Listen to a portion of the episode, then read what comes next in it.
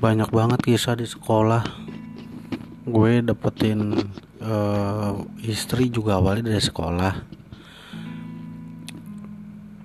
Ya zaman sekarang kan lagi efek pandemi seperti ini. Mungkin gak banyak orang yang berinteraksi langsung di sekolah ya.